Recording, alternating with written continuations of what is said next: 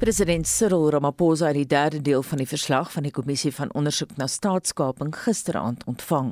Die verslag van 1000 bladsye fokus op die voormalige maatskappy Bosasa wat tans as African Global Operations bedryf word. En ons praat nou met die dekaan van die departement Geesteswetenskappe aan Akademia, professor Pieter Dievenage. Goeiemôre. Goeiemôre Anita. Pieter, ek weet jy het nou die eerste twee verslae baie fyn bestee uh, bestudeer en ek weet jy het hierdie een ook onder oë gehad. Skep vir luisteraars wat daai storie nie gevolg het nie, net die agtergrond. Ja, Anita, die uh, kommissie is natuurlik ingestel so 3, 4 jaar gelede, nogal deur president Zuma, voormalige president Zuma, en nou ehm um, uh, het waarnemende hoofregter Zondo wat die hoof van die kommissie is wat wat president Zuma aan gestel het, het 'n paar keer gevra vir verlengings.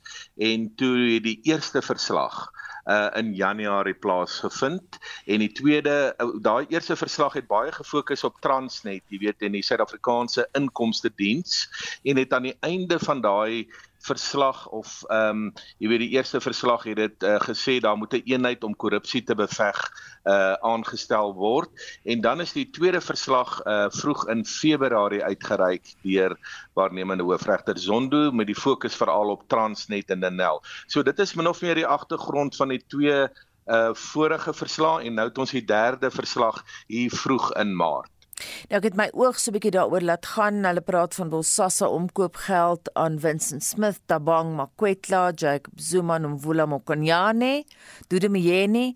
Uh baie name wat uh, genoem word, maar ek weet jy het hom baie deeglik bestudeer, Pieter, meer as ek. Ehm um, wel uh Anita, hy's nou so dag uit so ehm um, ek het vinnig my oog oor hom gegaan. Ek het die eerste twee verslae meer in detail bestudeer, maar jy weet die logika is baie dieselfde, nê? Wat wat gebeur is uh sekere name kom weer na vore en en en die groot name is maar uiteindelik die voormalige president want hy was in beheer van die staat en dan gaan dit oor uh ministers en veral ministers wat met staatsondernemings uh, gewerk het maar ook ander ministers en dan gaan dit oor amptenare. So daai selfe logika van die eerste twee verslae uh is nou ook in die derde verslag. Alhoewel soos jy dit gestel het, die fokus in die derde verslag is op Bosasa wat 'n uh, 'n privaat onderneming is wat met allerlei praktyke probeer het om die uitvoerende gesag uh, te beïnvloed. En uh, dit is dan deel van die hele prentjie van wat ons nou 'n uh, mooi begrip al vir het staatskaping, mm. nê, nee? dat daar ehm um, dat daar mense in die uitvoerende gesag is wat omkoopbaar is en nie ehm um, soos hulle rolle uitgespel is en hulle ampte uh, van hulle vereis nie om daardie werk te doen nie. Maar die die name is bekend en dieselfde name sirkuleer maar mm. uh deur die drie verslae, jy weet Anita. Ek wil jou nou juist vra oor die name. Was daar name wat vir jou as 'n verrassing gekom het? Kyk vir my was 'n uh, was 'n interessante naam wat al reeds by die tweede uh verslag na gevoor na vore gekom het, die naam van minister Gwet Mantashe, mm. want hy is iemand wat baie naby aan uh president Ramaphosa staan. Kyk, die ander name is ons redelik bekend. Uh voormalige president uh, Zuma se naam is seker die naam wat die meeste voorkom, want hy was uiteindelik die persoon wat in die staatsbestuur en die vorige bedeling al die verantwoordelikhede op hom gehad het. Die ministers, jy weet, ministers soos Lynn Brown ehm uh, uh Malusi Gigaba is bekend. En nou kom 'n ander naam ook na vore voormalige minister Mokonyane. En uh die amptenare wat ons ehm um, jy weet gesien het voorheen weet mense soos uh meneer Tomonyani by die Suid-Afrikaanse Inkomste Diens en dan veral Dudu Manyeni. Uh, jy weet wat die uh, voorsitter van die direksie was van uh, die SAL, mm. die SAA. Haar naam kom ook weer hier voor en by 'n vorige ronde was daar natuurlik Brian Molefe uh, wat se naam voorkom by Transnet maar ook by Eskom. So die name sirkuleer maar op 'n gereelde basis uh, en dit het 'n bepaalde logika want dit uh, die logika is gewoon net dat die uitvoerende gesag en mense in baie hoë gesagsposisie is vanuit ehm um, sekere strukture onder hulle basies in 'n rigting gedwing om besluite te neem en dit is waar die hele kwessie van staatskaping na vore kom. Hoe seer maak hierdie verslag die ANC polities? Kyk, dit is die groot vraag, nê. Nee. Uh ons weet dat die verslag, uh dit is nou die Zondo verslag kan het natuurlik die reg gehad om mense te dagvaar, getuienis in te samel en so meer. Nou moet alles gaan na die ehm um, agentskappe van die staat, veral die valke en die uh na, na nasionale vervolgingsgesag. Jou vraag is hoe seer maak dit die ANC? Uit die aard van die saak bitter seer, maar die groot vraag is, gaan daar optrede kom, jy weet Anita. En dit is hier waar ons nie 'n baie goeie rekord het by die ANC dat hulle kan verslae aanvra. Ehm um, hulle is mooi met retoriek, mm. maar gaan die ANC as die regerende party werklik optree? Ek dink die ANC is baie seer gemaak, maar as jy dink aan iemand soos ehm um, minister Gwet Mantashe wat verskriklik naby aan president Ramaphosa staan. Wa, hoe gaan daarteen hom opgetree word? Ek dink en ek het dit by 'n vorige ronde gesê, ek dink daar gaan groot figure gaan uit die aard van die saak gedagvaar word en gaan deur die NVG ehm um, jy weet vervolg word, maar my my bekommernis is dat baie van die kleiner visse deur die net gaan glip en dat jy net enkele groot figure gaan sien, maar groot figure en dis die dilemma vir iemand soos president Ramaphosa, kan iemand soos minister Gwet Mantashe insluit. Is daar een klein vis waaroor jy besonder bekommerd is? 'n Vis wat jy dink deur die net gaan slip. Jy kan maar nou 'n naam noem, hoor. Dis wat ek wil hê jy moet doen.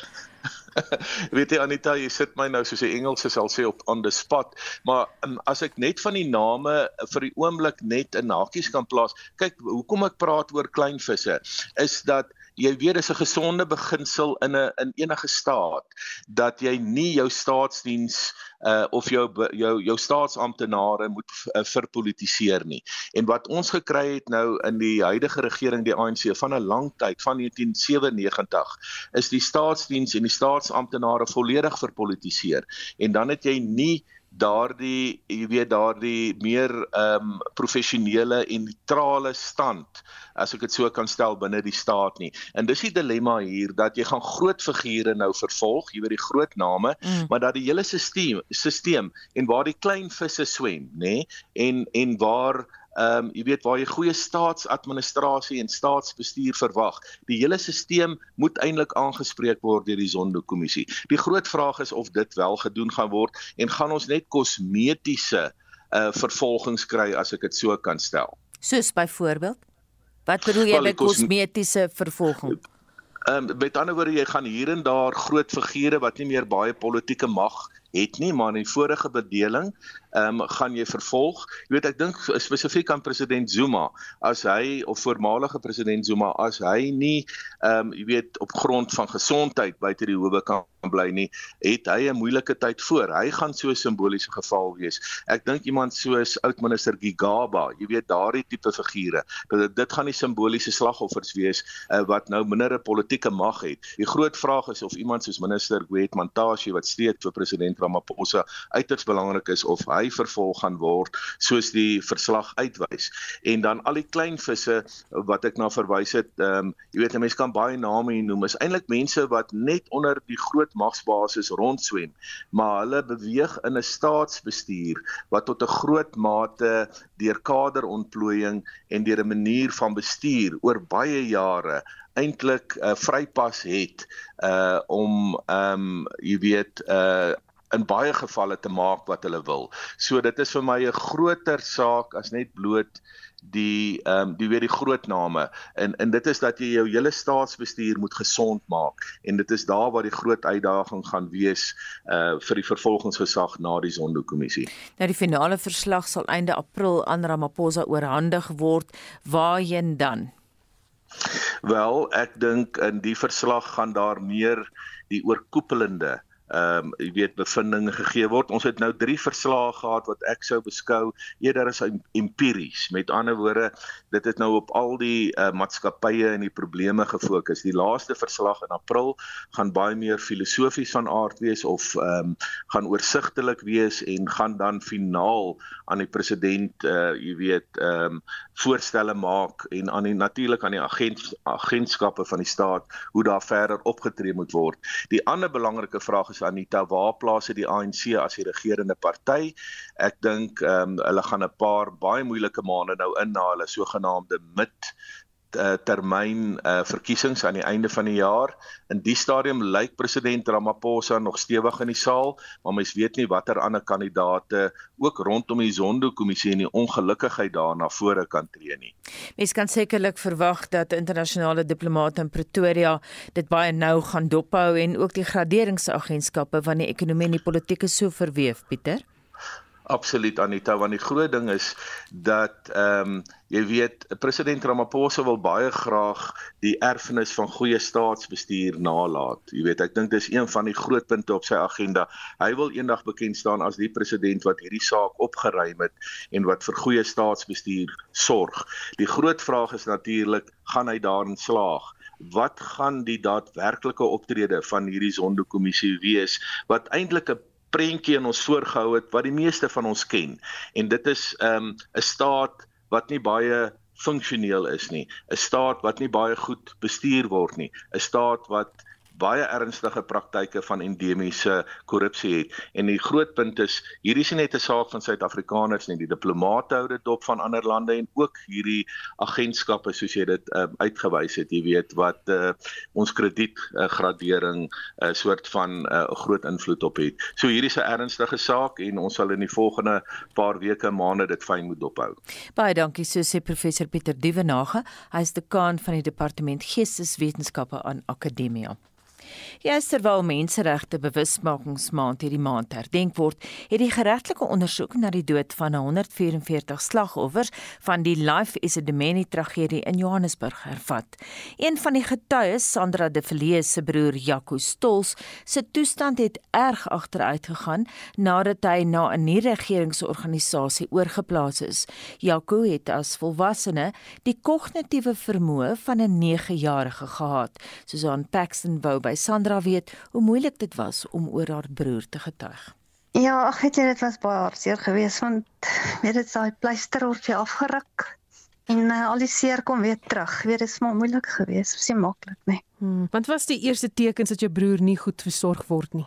Net hy begin maar word en hy het uh, altyd gesê hy uh, Hulle het ook gesê hy het ook altyd gesê hulle maak hom seer en hy het verskriklik gewig verloor en ek kon sien hy was nie meer gelukkig geweest nie. En hy het baie gehuil as ek na hom toe kom en gesê hulle maak hom seer en ja, dit is smart seer, dis waar alles begin het. En Sandra, as hy dit vir jou vertel het, jy weet hoe dit jou hart gevoel en kon jy met die mense praat en sê luister, hy kla.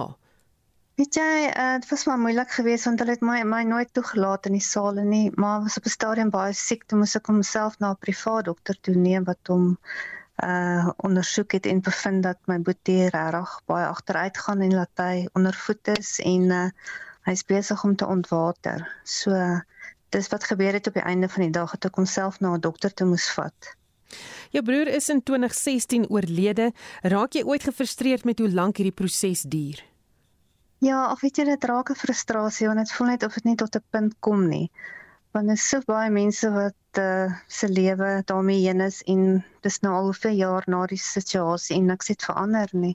Vandag by die geregtelike doodondersoek sal getuienis aangehoor word oor die oorsake van jou broer se dood. Hoe hanteer mens dit? Weet jy dis baie hartseer want ek het nooit 'n nadoetse ondersoekverslag gekry nie en ek het begin luister na die dokter wat my broer gekonsulteer het die dag hy die nadoetse ondersoek uh, verslag gekry en om nou alles te luister wat hulle bevind het dit ek weet nie dis net hartverskeurende. So hierdie is die eerste keer dat jy eintlik hoor wat gebeur het met hom. Dis reg ja, dit is die eerste keer wat ek daarvan gehoor het. Ja. Of watter uitkoms hoop jy wanneer die doodsondersoek afgehandel is? Weet jy, ek hoop net iemand kan verantwoording doen hiervoor want regtig dit kan nie net daar gelos word nie. Jou broer was maar net 51 jaar oud. Hoe sal jy hom onthou?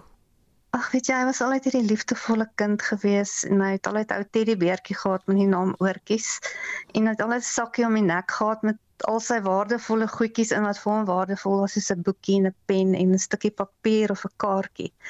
En niemand mag dit van hom weggevat het nie, want dit was sy kosbaarste besitting op aarde geweest. Baie dankie dat jy met ons gesels het. Ek weet dit is moeilik om al hierdie dinge te onthou en en weer daaroor te gesels. Dit was Sandra de Villiers, wie se broer Jaco Stols, een van die slagoffers was van die Life Isidimeni tragedie. Die organisasie wat Sandra de Villiers bystaan is AfriForum se privaat ondersoekeenheid en Solidariteit Helpende Hand. Ons praat nou met die adjunk uitvoerende hoof van Solidariteit Helpende Hand Renay Roo. Goeiemôre Renay. Goeiemôre. Hoekom het Solidariteit Helpende Hand tot hierdie saak toegetree? Kyk, Helpende Hand wil deur maatskaplike gebaseerde gemeenskapsontwikkeling die selfontwikkeling van die mens en 'n inter gemeenskap ontwikkel om as volwaardige persoon in die gemeenskap te staan. So ons fokus op die welstand, die holistiese welstand van ons kwesbare groepe. En dit is dan ons bejaardes, ons kinders en dan nou in Sandra en Jacques se geval ons persone met gestremthede. Nou ons het 5 jaar terug toe getree omdat ons moes en omdat hierdie mense nie vergeet mag word nie en ja ons tree nou weer toe omdat die reg moet geskied. Die mense wat verantwoordelik was moet verantwoordelik gehou word en daarom juist tree dan help en aan Afriforum se privaat vervolgingseenheid. Vir Sandra toe en ons help haar in die geregtelike in die geregtelike doekondersoek saam met advokaat Phyllis Forster aanklaar by die privaat vervolgingseenheid. Skiet man, ek is net 'n bietjie emosioneel na Sandra se onderhoud. Dit is net altyd dis nie lekker om dit te hoor nie, sies tog. Nee, ek vond dit is nie lekker om te hoor nie. Ek ek sit nou en dink, jy weet, uh, Sandra gehoor nou goed wat sy vir die eerste keer, sy het nie ja. geweet nie, sy hoor vir die eerste keer hierdie inligting dis om van voor af te rou oor haar broer. Maar wat 'n emosionele ondersteuning bied julle vir haar? Ja, kyk, Helpenhand tree toe as maatskaplike organisasie vir ondersteuning. Se boonbehalwe dan nou die gesprekke wat gevoer was met Afriforum om seker te maak dat ons twee instansies die saak verder neem.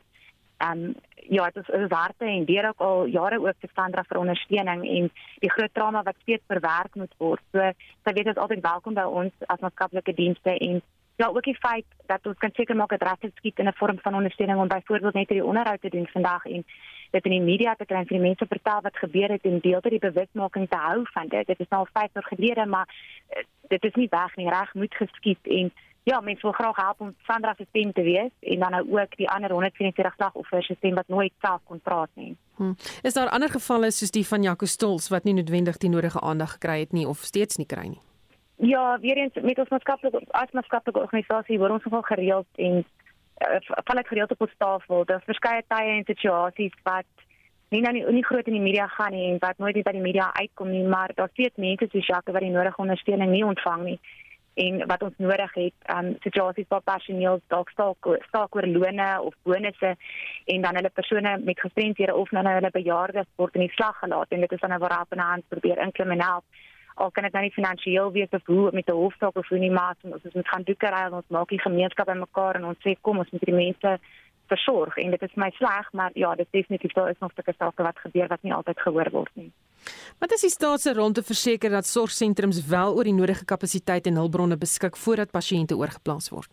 Ja, kyk, die staat en verskeie instellings het vir stels gesê dat in Sandra ja, dat die slagoffers is afgehaal. Kyk, dit is 'n skrydende skande dat hierdie weerlose mense na bewering in die van die hand van die staat so versorg moet word en dan as gevolg van dit gesterf het. Nou Sandra sê ook dat sy gaan aanklo by die nasionale vervolgingsgesag en die departement van gesondheid en hulle het daar nooit gekonsulteer nie. Ten spyte van die saak dat sy 'n strafsaak by die polisie gaan maak het oor haar broer se dood. So daar sou dit al geval en ja, ons voel dat die rol van die staat is om in die eerste plek was dit gewees om te gesorg dat hierdie tragedie nooit plaasgevind het nie. En dit is deur seker te maak dat die pasiënte reg geplaas geword het, nie in oorvol plekke geplaas geword het nie. En daar geplaas geword het waar personeel regtig die nodige ondervinding en die roeping het om na hierdie pasiënte om te sien. Want as ons kyk na al die sake wat voorkom wys dit regtig dat hulle het nie die ondervinding gehad of die roeping om na die mense te kyk nie. Hulle het hulle net gelaat. En so sê die adjunkt uitvoerende hoof van Solidariteit Helpende Hand Renay Roo inside met Susan gepraat. Nou die Gautengse provinsiale regering en die Universiteit van Johannesburg het 'n projek aangekondig om werk te skep en dit is met die herwinning van elektriese en elektroniese toestelle. En ons wou vanoggend by jou weet wat maak jy met daardie stoele eh, toestelle van jou? Hier is die reaksie. Goeiemôre er is goeie Dis 'n lysie van Oudtshoorn Ek het omtrent die in 2008 begin om my eie kompos te vervaardig as 'n stokpeertjie waar ek al die huishoudelike afval wat van die kombuistafel afkom aardappelskale soos die vorige spreker gesê het al die koerantpapiere kartonne eierdoppe die sakkies koffiemoer alles binne in een groot 1000 liter hoog die blare die drooggras en dan 'n bietjie saus en kraalmis bygesit en dan so probeer ons die gemeenskap hier rondom ons ook opvoed om dan ook dieselfde te doen om hulle kombuisafval te omskep in kompos. En ja, nou is dit amper soos 'n tweede besigheid vir my. Goeiemôre, ek is na die Dievenage van Lichtenburg. Ons het 'n hulpverlening organisasie, naamlik mevrou Lichtenburg Elegant. Ons versamel plastiese bottels en plastiese sakke en alles wat uh, mense weggooi en dan maak ons die mooiste blomme daarvan. Ons hang dit oral in ons dorp op want ons uh, lese hierdie jaar is blom waar God jou plant. Dit maak ons dorp skoon en dit maak ons dorp baie mooi ook. Goeiemôre Johan de Tooi Bultfontein hier so. Uh ja, die elektroniese rommel, dis nogal 'n probleem wat ons in die wêreld het. En ek wonder meer van ons behoort daar behoort 'n opvoedingsproses te wees om mense meer bewus te maak daarvan. Maar my bekommernis is die ouens wat die slim ouens wat nou allerhande goed in die in die ruimte instuur wat ook baie elektronies is. Ek dink internasionaal behoort daar ook gekyk na ruimteafval en elektroniese goed wat so in die, in die ruimte ingestuur word.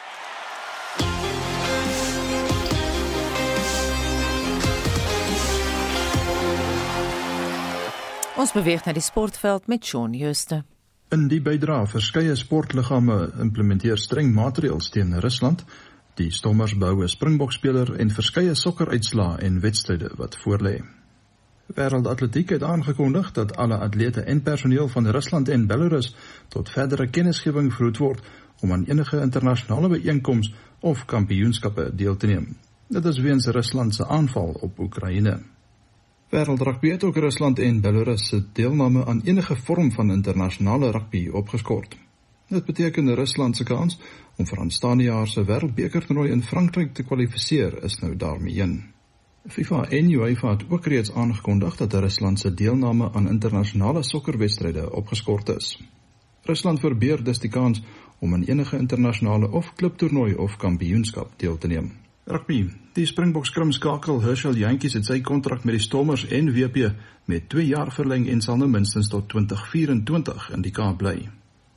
En dan laastens in sokkernuus, in die Engelse Premier Liga is Burnley gisteraand 2-0 deur Leicester City geklop. In die FA beker se 5de ronde het Manchester City weg 2-0 teen Peterborough en Crystal Palace 2-1 teen Stoke City gewen.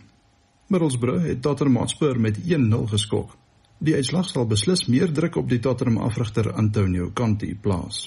Vanaand se groot kragmeting is half 10 tussen Southampton en West Ham United. Liverpool speel ook teen Norwich City en Luton Town teen Chelsea. Die Engelse klub Leeds United het die voormalige RB Leipzig breier Jesse Marsh as hul nuwe afrigter aangestel. Die Amerikaner het net 12 wedstryde om te verseker dat Leeds in die Premier Liga bly. Die span is tans net 2 punte bo die gevaarsone. Marcelo Bielsa is maandag in die pad gesteek na 'n reeks power uitslae. En in die DStv Premier Liga kom Marumo Gallants vanmiddag 5uur teen Baroka FC, Orlando Pirates half 6 teen Cape Town City en dan half 8 AmaZulu teen Stellenbosch FC en DS Galaxy teen Mamelodi Sundowns te staan. Shaun Schuster, RSG Sport. Atletiek se wêreldbeheerliggaam het hom geskaar by verskeie sportverenigings om Russiese atlete te verban weens hulle tuisland se inval in Oekraïne.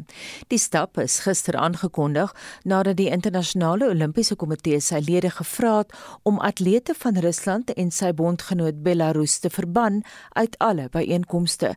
Ek praat nou verder oor uh, oor die toenemende sportsanksies teen Rusland met my mede-monitor aanbieder en SAK se sportaanbieder en kommentator Udo Karel se môre Udo. Môre kollega. Udo, watter impak sal gister se besluit nou hê op die Russiese atlete? Wel Anita, kom ons herinner ons luisteraars eerstens dat Russiese atlete sedert 2015 reeds verbied is om onder die Russiese vlag mee te ding weens onthullings van 'n staatsgedrewe steroïde of opkikker program. Uh en en dit was in 2014 uh, reeds bekend gemaak. Wat sedertdien plaasgevind het is dat uh, atlete van Rusland wel toegelaat is by groot atletiekbyeenkomste as neutrale atlete. So enige medaljes wat dan gewen word, word dus nie gesien as Russiese medaljes nie, maar net so terloops die Die sogenaamde neutrale atlete aan die tyd by die Tokio Olimpiese spele 71 medaljes ingepalm en is ook 5de op die medalje ranglys. En alhoewel hulle nie hulle medaljes met die sing van hul volks, volkslied kon vier nie, het president Vladimir Putin wel oor die voor die spele uh die span Japan toe gestuur met 'n spoggerige geleentheid by die Kremlin van alle plekke. So gister se besluit raak nou hierdie kategorie van neutrale atlete. Hulle sal vir ten minste die res van die jaar nie kan kompeteer nie. Die president van Wêreld Atletiek Sebastian Coe sê hulle sal eers komende week weer vergader oor of dieselfde verbanning sal geld vir atlete van Rusland se bondgenoot Belarus. So die groot byeenkomste wat hulle in die nabye toekoms sal misloop is hierdie maand se binnemuurse wêreldkampioenskap van atletiek wat uh, van die 18de Maart af uh, plaasvind in Muscat in Oman uh, en dan die groot buitemuurse wêreldkampioenskap wat in Augustus in Oregon in Amerika uh, sal plaasvind. Ouda, kan jy help om te dink aan die winter paralimpiese spele nie? Ja, Anita, dis so 'n interessante situasie tans. Kyk, die die spele word deur die internasionale paralimpiese komitee gereël, so die finale besluit rus met hulle. Die komitee vergader tans, soos ek en jy nou gesels in Beijing om om 'n besluit hieroor te maak. Wat ons wel weet, is Oekraïne het reeds 'n span van 20 atlete en 9 gidse gestuur. Hulle het laat gister op hulle vliegtyg geklim so tussen die amper 600 000 mense wat die land verlaat sedert die inval. Die internasionale paralimpiese komitee komitee het wel 'n groot probleem Anita want Rusland se span van 71 atlete, hulle sit reeds in Beijing. En en lydens die reëls van die organisasie is daar wel 'n skuiwer gehad wat die atlete die reg gee om wel deel te neem meer maar as neutrale atlete. Die Britse Olimpiese Komitee of vereniging het reeds beswaar aangeteken en ons sal nou seker so teen 11 uur vanoggend moet wag vir uh, die besluit en en en, en, en net presies wat die uh, Paralimpiese Komitee daaroor te sê het. Oudo, vertel 'n bietjie vir ons van die res van die sportsanksies wat ons nou tot die einde van die jaar kan verwag.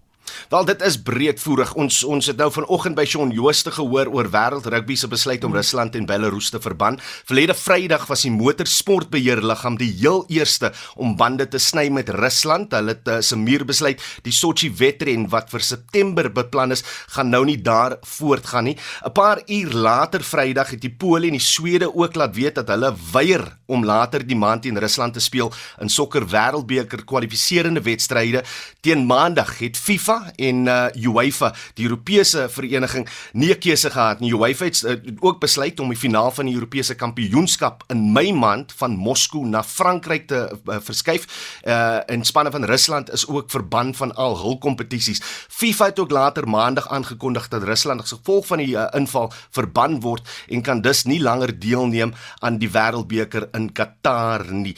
Uh, wat miskien bietjie uh, Anita as skynheiligheid beskou kan word van 'n uh, FIFA FIFA oogpunt af is uh hulle benadering nadat Rusland 4 jaar voor hulle die sokker wêreldbeker in 2018 aangebied het, die skrim uh die die, die, die skrim skiereiland ingeval het en destyds het FIFA nie 'n vinger gelig in Rusland se rigting nie.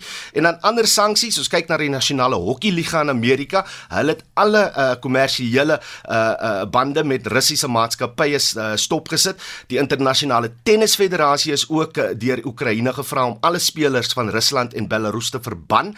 Die groot vraag is as dit as dit wel geskied, wat gebeur dan met die wêreld se topgekeerde manspeler Daniel Medvedev? En dan op 'n ander vlak as ons kyk na kommersiële verhoudings, 'n uh, verhouding tussen uh, UEFA en die Russiese maatskappy Gazprom is beëindig teen 'n waarde van 581 miljoen rand per jaar en dan moes klubs soos Manchester United ook groot besluite maak. Hulle het hulle 'n um, uh, groot kommersiële verhouding met die Russiese lugredery hy Aeroflot beëindig uh en uh, dit het hulle 800 miljoen rand uit die sak gejaag as Manchester United. En as ons kyk na klubs klub eienaars soos Chelsea se Roman Abramovich het oor die naweek reeds aangekondig dat hy die bestuur van die Premier League klub aan 'n trust oorhandig het. Uh en daar is mos wyd bespiegel dat hy een van die groot oliebase is wat op die Verenigde Koninkryk se sanksies lys sit. Oor mense wil nou nie sinies wees nie, maar ons het gesien daar was uh, groot optogte in 40 stede in Rusland teen die inval in Oekraïne en Putin het eenvoudig voortgegaan. Watter effek dink jy sal sportsanksies hê op die Putin regime? Ek as ons kyk na hoe hy hierdie winter uh Paralimpiese span ook afgestuur het na Japan toe. Daar's groot trots in in die manier waarop uh, sport gebruik word om om gesien om gesien te word as die die heropbou van uh, Mother Russia soos hulle altyd sê. As ons kyk na na hoe hy 2018 voor en na die wêreldbeker gespog het, juis oor die feit dat dat Rusland nou een van die groot kragte is in wêreldsokker nadat hulle in die kwart eindstryd geëindig het. Daar gaan dink ek is 'n groot klap in die gesig vir uh, Vladimir Putin of dit nou sy internasionale benadering uh, gaan verander. Dit dit kan ons nou nie sê nie, maar dit gaan wel 'n groot verleentheid wees vir vir Putin dat sy atlete nie kan deelneem in sport hierdie jaar nie en en ook natuurlik 'n groot slag vir die atlete self. Baie dankie en so sê my mede-monitor aanbieder hy's ook die SAIK se sportaanbieder en kommentator Udo Karlse. Die Oekraïense stad Kharkiv is volgens internasionale mediaberigte nou ingeval deur Russiese valskermsoldate en is nou blykbaar onder die beheer van die Russe. Hiermee saam is 5 mense dood toe die TV-toring in Kiev platgeskiet is en beeldmateriaal van Russiese voetsoldate is op die dorp Gerson op sosiale media gedeel maar nou vir ons al daai stories op Marlenae hierdie vloer. Verwikkelinge in die land verander by die minuut Anita, maar vir nou is dit onduidelik hoe waar hierdie berigte van die Russiese beheer in Kharkiv is, die BBC korrespondent Mark Lebel. It would be the first reports of these kinds coming from the Ukrainian military. Quite specific details that they landed, that they've already in conflict with Ukrainians on the ground, that they're attacking a local military hospital there. Um, there has been that bombardment of Kharkiv, which we've seen over the past kind of 48 hours. It's been escalated. Uh, Freedom Square was attacked, uh, that university, and eyewitnesses reporting these potential cluster bombs that uh, military experts said were evident from CCTV footage. Nou dis sowat 65 km lange Russiese konvoi op pad na Kiev is sowat 50 km van die stad af, maar dit beweeg teen 'n slakke pas. Nou 'n ontleder en voormalige lid van die Amerikaanse vloot, kolonel Brendan Kearney, sê daar's twee redes hiervoor.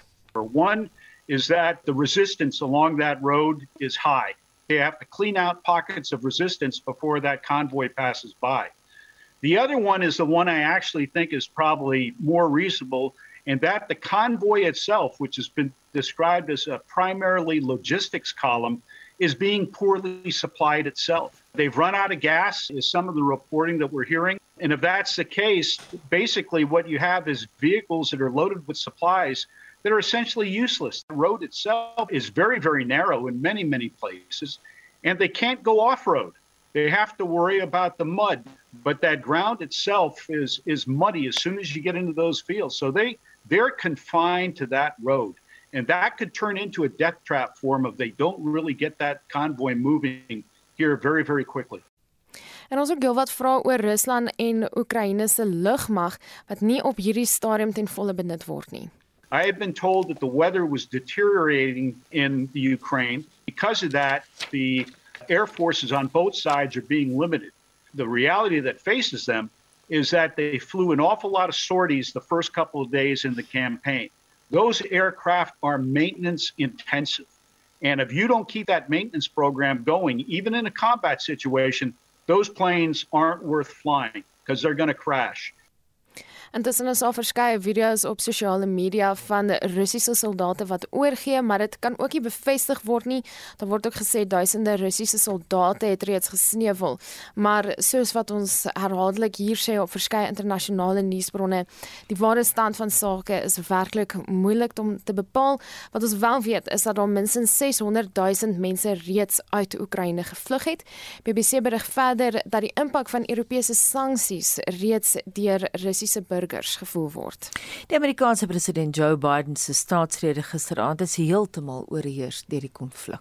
Ja, 'n sterk boodskap aan die Russiese president Vladimir Putin gestuur en hy het gesê Putin is nie gereed vir dit wat nog kom nie. Hy het Oekraïners geloof vir hulle verset teen Rusland en onomwonde steun vir Oekraïne uitgespreek deur die ambassadeur in Amerika, Oksana Marakova, te vereer met 'n spesiale sitplek tydens die verrigtinge. Saam met Kanada en ander EU-lidlande kant het Amerika ook nou 'n verbod geplaas op Russiese vliegtye in hul lugruimte. Maar dis 'n gewildheid onder Amerikaners is egter besig om drasties af te neem en daar's nie tevredenheid na sy toespraak veral wat hoë inflasie betref nie. Meningspeilings toon dat sy gewildheid nou op dieselfde vlak is as die van Trump kort voordat Biden die leiersels by Trump oorgeneem het. En nou gaan ons Lat Latyns-Amerika in die fokus nou op 'n land wat nie baie aandag hier by ons in Suid-Afrika kry nie. Mm. Honduras, die nuwe regering daar het aangekondig en dis 'n regering onder 'n vrou dat 'n oop groef mynbou uh, dat dit binnekort verbied gaan word. Die regering het ook omgewingspermitte vir mynbouaktiwiteit reg oor die land gekanselleer. Dis onduidelik presies wanneer dit in werking gaan tree, maar die stap word verwelkom deur inheemse bevolkingsgroepe. Gebiede van ekologiese waarde sal ook van nou af beter bewaar word, maar dit is nie die eerste land in Sentraal-Amerika wat so sterk optree teen mynbouaktiwiteit nie. Costa Rica het oopgroep mynbou in 2002 verbied en die ontginning van metale is sedert 2017 onwettig in El Salvador. En dit was Madeleine Forsie met wêreldnuus gebeure. Terug tuis in Suid-Afrika, hoofsuperintendent Wayne Minnar het maandag na 41 jaar by die Johannesburgse Metropolisie uitgetree en ons praat ver oggend met hom. Goeiemôre. Goeiemôre. Wayne, ons het dan oor baie jare baie onderhoude gevoer. Vir jou, wat was die hoogtepunte van jou baie lang loopbaan? In 1990 was ek deel van 'n span beamptes wat Suid-Afrika toe gery het met petroliekarre en konvoi en daar uh, gehelp toe uh, Suid-Wes uh, onafhanklik verklaar was en toe Sam Nojoma uh, aangestel was as die uh, die uh, leier. En toe uh, het ek uh, die span van Kenia gevat uh, Oshakati toe. En toe ons terugkom Johannesburg toe toe was ek uh, toe erken daarvoor in bestuurder van die jaar uh, trofee ontvang. Dit was een en dan ook uh, toe die dag toe voormalige staatspresident Nelson Mandela na sy dogter se troue toe gevat het of begelei het en en toe uh, na die diens uh, in die kerk uh, toe gevat vir foto's het ek 'n kans gekry om met die oud staatspresident uh, kon gesels en dit was vir my groot voorreg. Wayne, wat was vir jou die grootste probleme? Ek uh daar was 'n hele klomp uh, uh van die tyd uh, wat ek begin het. Maar ehm uh, weet jy ek is ook 'n man van geloof. So ek het uh hard probeer om da daarmee te, te kan werk en om dit te oorkom. En ek is bly dat ek dit kon doen en dat ek uh, 'n diens kon lewer aan die burgers van stad van Johannesburg en al die ander mense. En dit was vir my 'n groot voorreg om dit te kon doen en dit te kon beleef. Wanneer jy word dikwels geprys vir jou werksetiek en dit in tye waar ons so baie korrupsie in Suid-Afrika sien. Wat dink jy maak 'n goeie metropolisielid? Gewyd. Toegewydheid aan die uniform en toegewydheid om te kan dien. Uh, ek dink dit is uh, die vereistes. Uh, want as 'n mens aansluit by 'n polisiedepartement of metropolisie of verkeersafdeling en jy gaan nie daar vir die regte redes dan is dit verkeerd.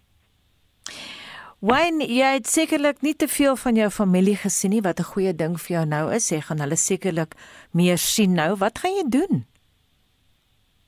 Ja, nee, jy's reg. Ek gaan uh, weer uh, nou kyk net vir die kleintjies. Die kleinkinders en uh, ek gaan bietjie rus. Maar daar is 'n plan dat ek weer uh, besig uh, gaan raak met die uh, opleiding en om inligting uh, te kan deel met die burgers om mense uh, te kan inlig van by wette en die reëls en regulasies soos sodat mense dit net bietjie beter kan verstaan. Baie dankie, dit was baie lekker om met jou te werk oor al die jare en sterkte met jou uh, semi-aftrede klink dit vir my. Dit was die voormalige hoofsuperintendent Wayne Minnar en hy het afgetree hierdie week na 41 jaar.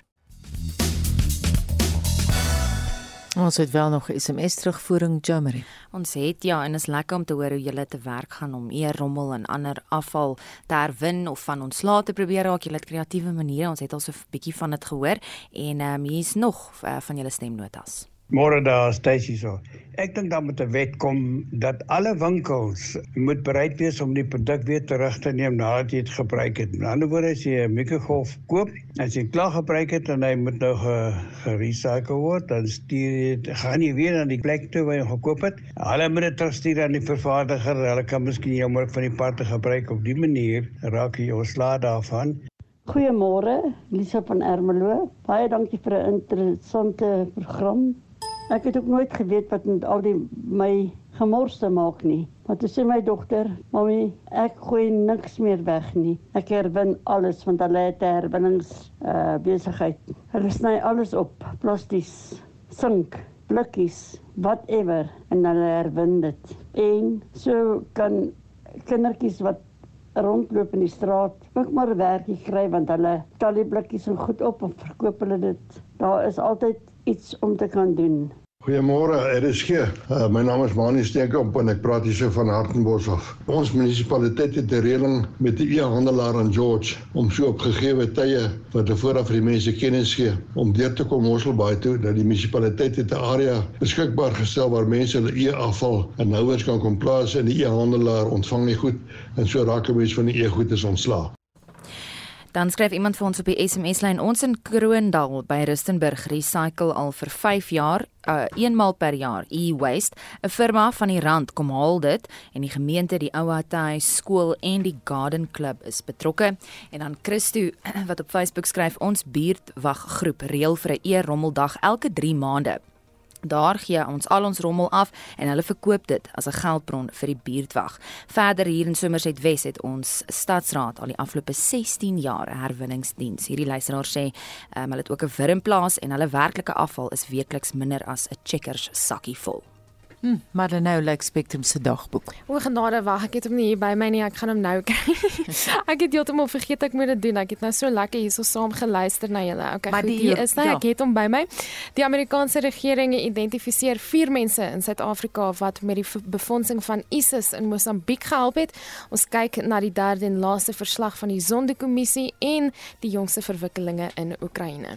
Nou daarmee groet die monitorspan namens ons uh, uitvoerende regisseur Nicoline de Wee Die man in die warm stoel vanoggend Wessel Pretorius, ons tegniese regisseur Daitron Godfrey en ek is Anita Visser.